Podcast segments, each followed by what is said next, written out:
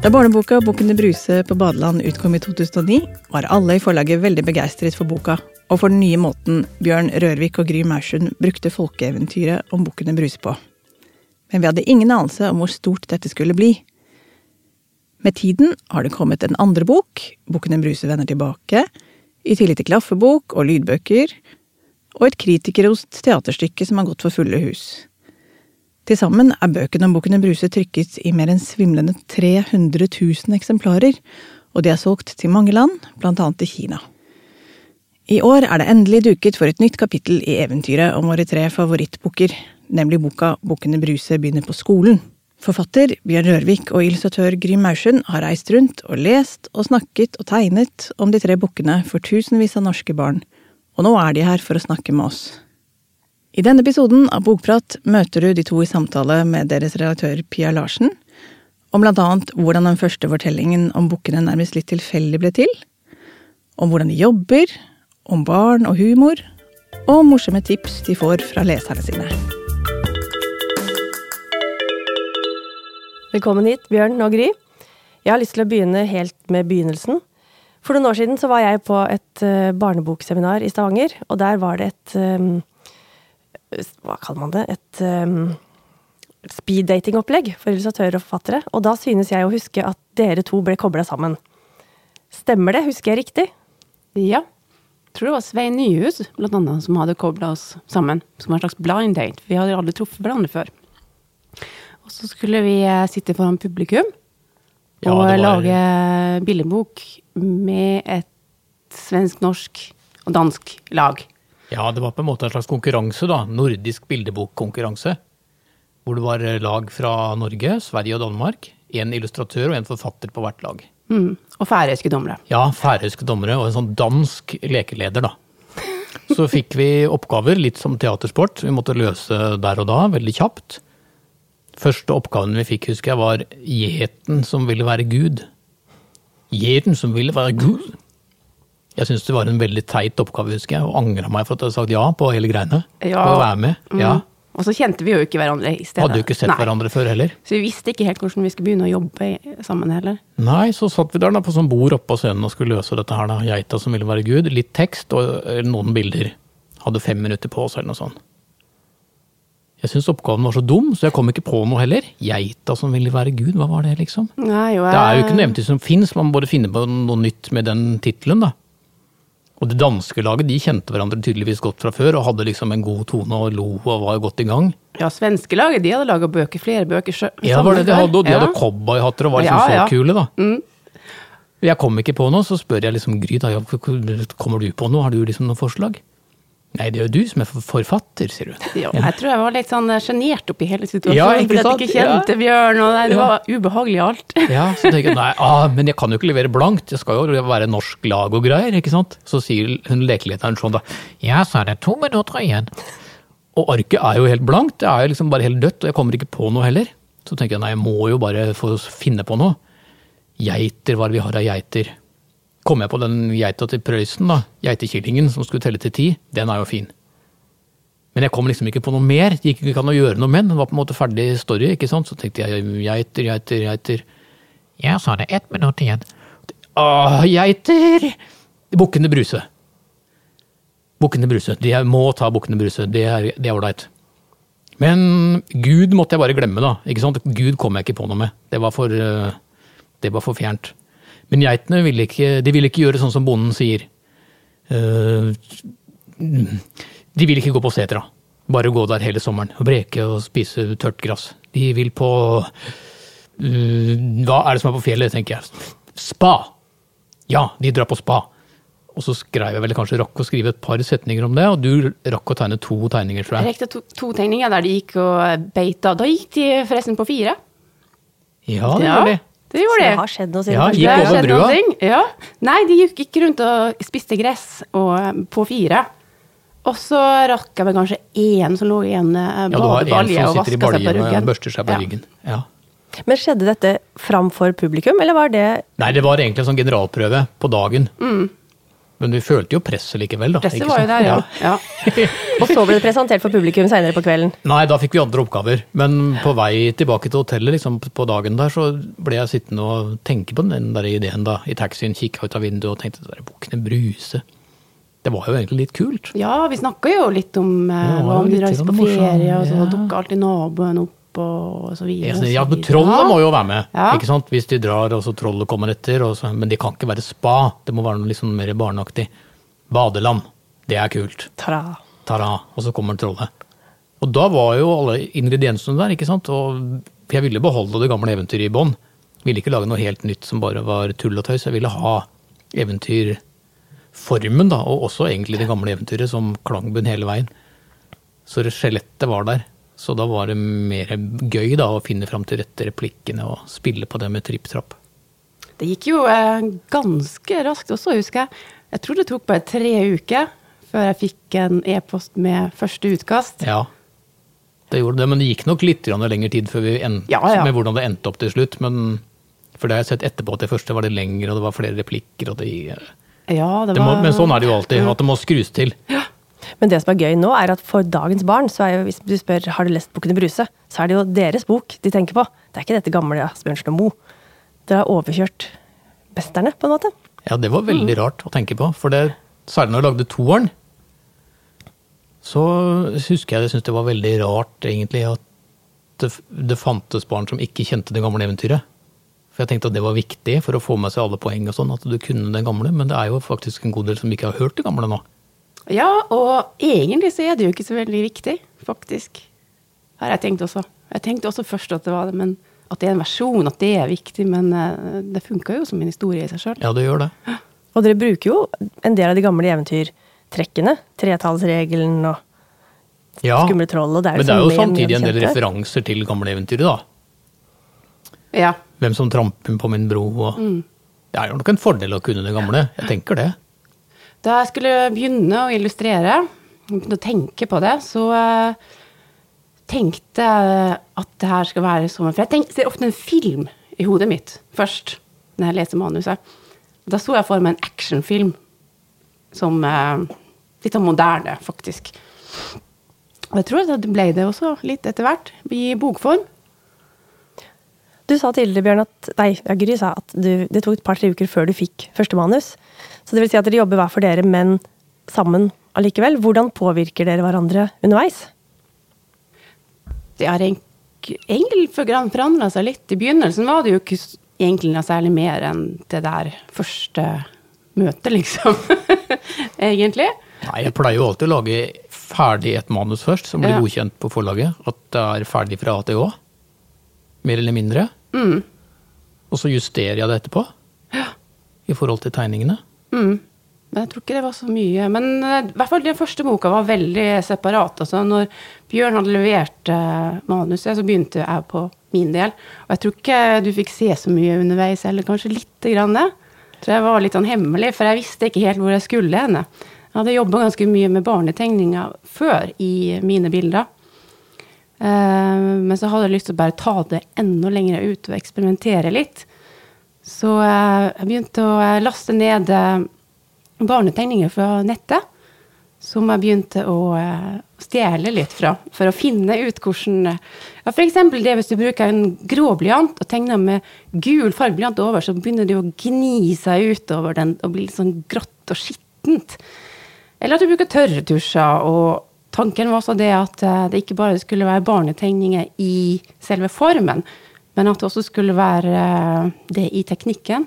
At, du, at redskapene er det som du har i et pennalhus, og at alle kan si at oi, ja, det er en tørretusj, og det er en eh, fargeblyant, og det er klipt og limt. Så det var også litt av ja, et eksperiment for min del.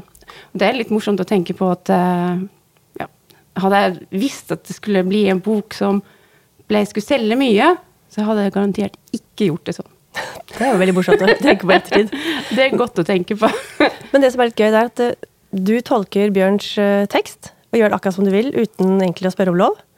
Og når vi ser resultatet etterpå, så virker det jo veldig enhetlig og helhetlig. Det er ikke noen andre alternative måter å gjøre dette her på. Nei, ikke nå. Nå er det limt så tett sammen, bilde og tekst. Og det går ikke an å skille det, egentlig. Nei, kanskje ikke. Nei, jeg tror ikke det. Har og det er faktisk rart å tenke på at det har vært en løs tekst på fem eh, dataskrevne sider bare uten tegninger. Det er rart å tenke på det.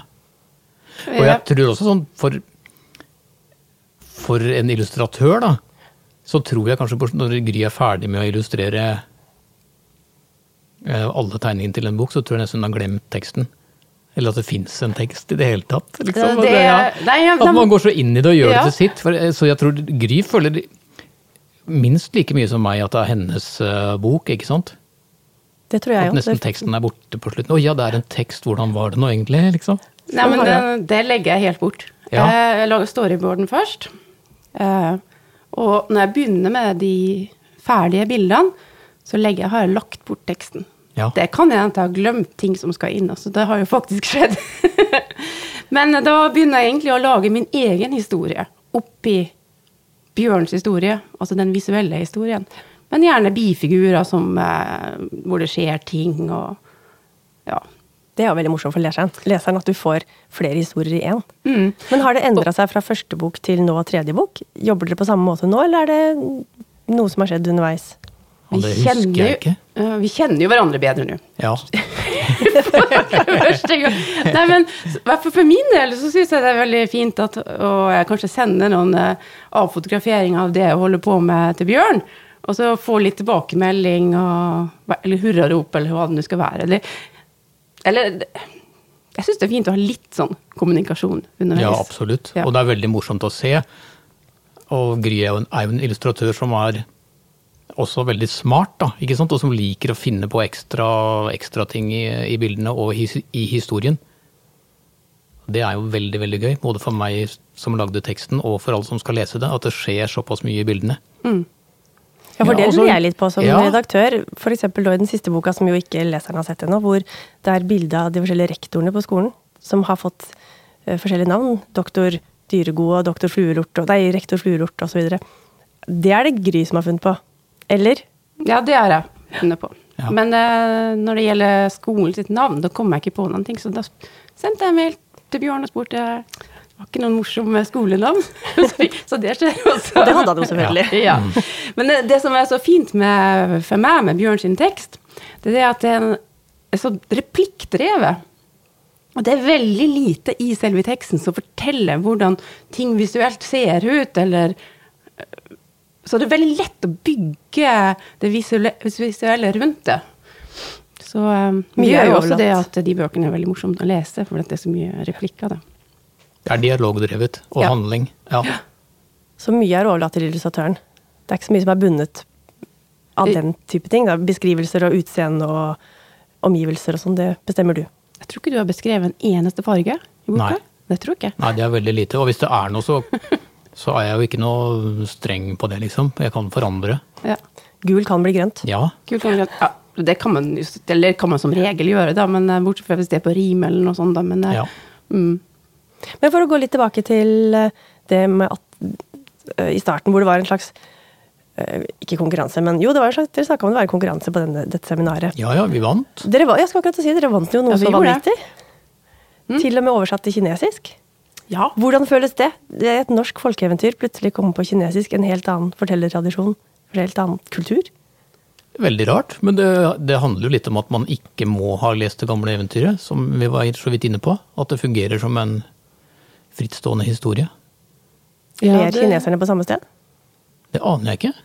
Nei, det, det skulle vært spennende å, å se etter, men kanskje de gjør det. Ble, var det noen premie? Annet enn Det var Fame? kroner. Det var sånne bursdagskroner. Vi fikk, ja, vi fikk bursdagskrone. Gullkrone. Eh, så hadde vi noen T-skjorte på oss. Litt sånn stygge lysebrå. Dere har jo vært mye rundt og snakka med barn og tegna og fortalt og lest for barn. Og da har jeg hørt rykter om at det kommer inn tips og ideer om hva bukkene skal gjøre framover. Hvordan har det påvirka kanskje spesielt deg, Bjørn, om med hva neste bok handler om, og neste bok og osv.? Nei, det er jo noen gjengangere alltid når, jeg ber barna om å komme på en ekstra Hvor kan de dra neste gang? Så er det noen gjengangere. Det er liksom Syden. På shopping. På, øh, I verdensrommet. Dinosaurtida. Litt vanskelig, kanskje? Ja, det er en del sånne greier. Men alt er jo egentlig mulig. Det er jo et eventyr. Det er et eventyr, og man har figurene, tre helter, og så har du en dum og litt slem skurk. Det blir som å lage Donald, en ny Donald-historie, eller uh, Storulv. Mm. Sånn sett er den siste boka er jo litt annerledes. De to første er jo veldig knytta opp til originalen, eller en variant på originalen. Mens eh, i boken 'Bruse begynner på skolen', så har du jo klart å dratt dem ut av I hvert fall delvis ut av det gamle eventyret. Ja, litt løsere. Det var jo interessant å se at det funka. At man kan gjøre det. Ja, det fungerer som en sånn actionfortelling. Skoleaction. Skoleaction. Det var jo en kritiker, Ingeborg Mjør, i Dag og Tid, som sa at Bukkene Bruse var liksom en blanding av eh, Snekkersvekara og cowboyfilm. Og det Det er veldig, veldig riktig, føler jeg. Veldig innafor. Ja. Det føles jo veldig riktig at de skal begynne på skolen nå, for jeg tenker leserne er nok akkurat der på vei, eller i hvert fall de eldste leserne kanskje, er på vei til å begynne på skolen, og kjenner seg igjen og syns det er kjempespennende med skolestart. Men jeg er ikke redd for at de skal bli for store, bukkene, at de vokser ut av målgruppa. Nei. Og jeg tror heller skole passer bra. Det er morsomt for de som har begynt på skolen også. Og så er det noe med det med, med å ha skole som location, da. Som har noe av de samme tingene som et badeland har. At det både er litt eh, skummelt. Det er et område, et område, på en måte, en arena hvor du ikke kan alle regler. Hvor du veit at det er andre personer som du ikke har helt kontroll på. Noe er litt skummelt. og Hvem er nå rektor, og hvem er de der store sjuendeklassingene? Det er mye er en del løse tråder. Samtidig som det er veldig spennende, selvfølgelig, og man gleder seg til å begynne, og man får nye venner, og det skal bli gøy, liksom. Og det åpner opp for mange fine situasjoner og personer for Gry å illustrere. Ja. Det er det som eh, Det mylderet som også finnes i badeland. At det finnes så mange karakterer å finne opp og la gå igjen med sine historier. Som for eksempel, har du noen historier fra skolegården? Um, ja, kanskje den som egentlig ble spunnet mest historier rundt, var den der lille kontormannen, faktisk. Som uh, Det var kanskje denne Ja, han som sitter på kontoret. Han som sitter på kontoret, for, ja. forværelse, på en måte. Ja, i resepsjon, eller Ja. hva det er for noe. Og legge kabal? Han legger kabal, og så eh, Fordi at um, Ja, hvor mye skal frem? Jo, men de banka selvfølgelig på døra når vi kom så langt på rektorkontoret. Og det måtte jo skje noen ting rundt i forhold til uh, de to første bøkene, når de går i trappa eller uh, over bordet. Så var det plass til så mye action. Du kunne se trollet sammen, samtidig som de, de eh, trampa eller ja. Mens i, eh, på den her, når de ikke banker, så Så står de utenfor ser døra og banker på. Det er Ja. ganske stillstående Det skjer jo egentlig nesten ingenting. Det var de to siste bildene jeg klarte å uh, skrape ferdig, for det ble så Ja. Men uh, da begynte jeg egentlig å dikte på den kontormannen da, som uh, legger kabal, og så taper han spillet, og så finner du ut at du må ha kanskje mer kaffe. Ja, Så kommer han tilbake med kaffen og skal sikkert spille videre. Det skjer jo ikke så mye på skolen det ikke, når det midt i timene. Men har bukkene forandra seg, de tre bukkene Bruse forandra seg enten som typer eller i strek, eller begge deler? Er det skjedd noe fra første til tredje bok? Vi hadde jo capser i toeren. Ja. Så var det en, eh, en For det har jo vært ganske lang tid imellom, spesielt den første og den andre. Ja, 2009 til 2014. Ja. Så jeg hadde jo ikke helt uh, bukkene inni handa lenger. Uh, det som skjedde i uh, toeren, var, det var det er noen ting som ikke jeg merka før. Det var noen som skrev det i en anmeldelse. At bukkene hadde fått runde ører. Det stemte jo.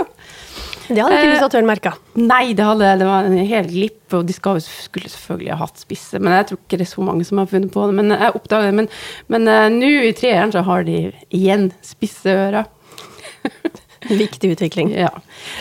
Men eh, ja, de forandra seg litt fra gang til gang. Det tror Ja, og den mellomste fikk vel kanskje litt lengre horn til bok to?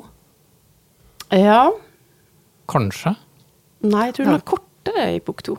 enn Ok. i- Den får lov til å stange, i hvert fall, de to årene. Ja, ja. Men sånne typer, da? Er de de samme? Er de seg selv? Den mellomste var vel litt mer i fokus i bok to. Mens han nå er tilbake som en av tre kløvere. Ja. Ja, De har ikke forandra seg som typer, egentlig. De vokser jo ikke noe særlig, eller de holder seg der de er. ja. Det syns jeg er viktig, at de ikke forandrer seg så mye. i Det var vel litt mer sånn tween, på en måte, den mellomste i bok to. Ja, men det var han ikke det egentlig i uh, Har vært det eneren hele også? Hele tida, ja. ja. Men de er på en måte tre i én.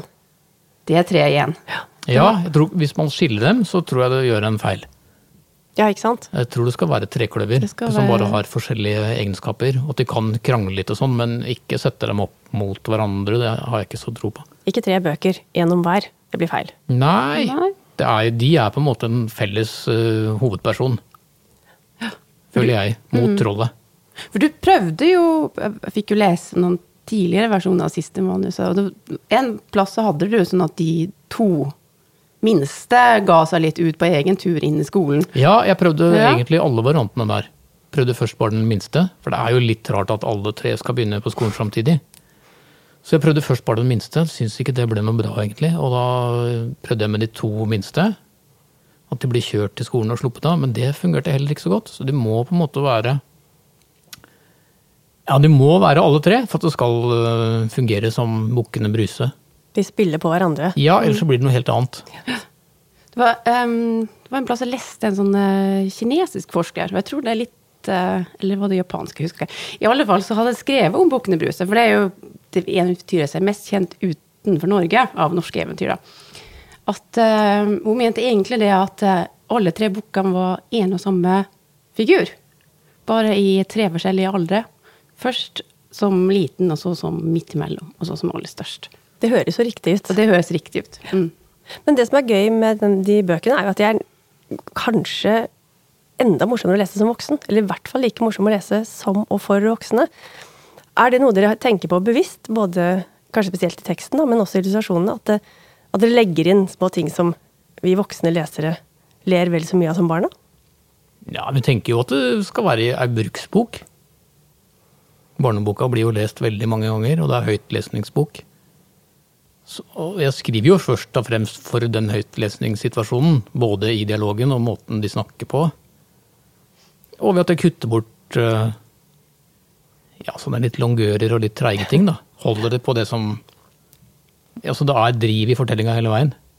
Men samtidig så putter du også inn ting som barn ikke nødvendigvis skjønner. F.eks. at det er litt vanskelig å få tak i dyktige skoleledere for tiden. Det er jo en av mine favorittsetninger, men den er, er jo ikke så veldig barnevennlig.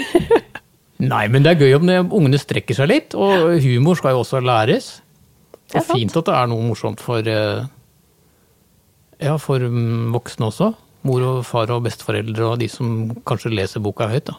Jeg tenker at hvis alle syns det er gøy, de som leser også, så blir den mer brukt og lest flere ganger. Det er sant. Men det er vel likevel ikke en sånn morsomhet som går over barns hode.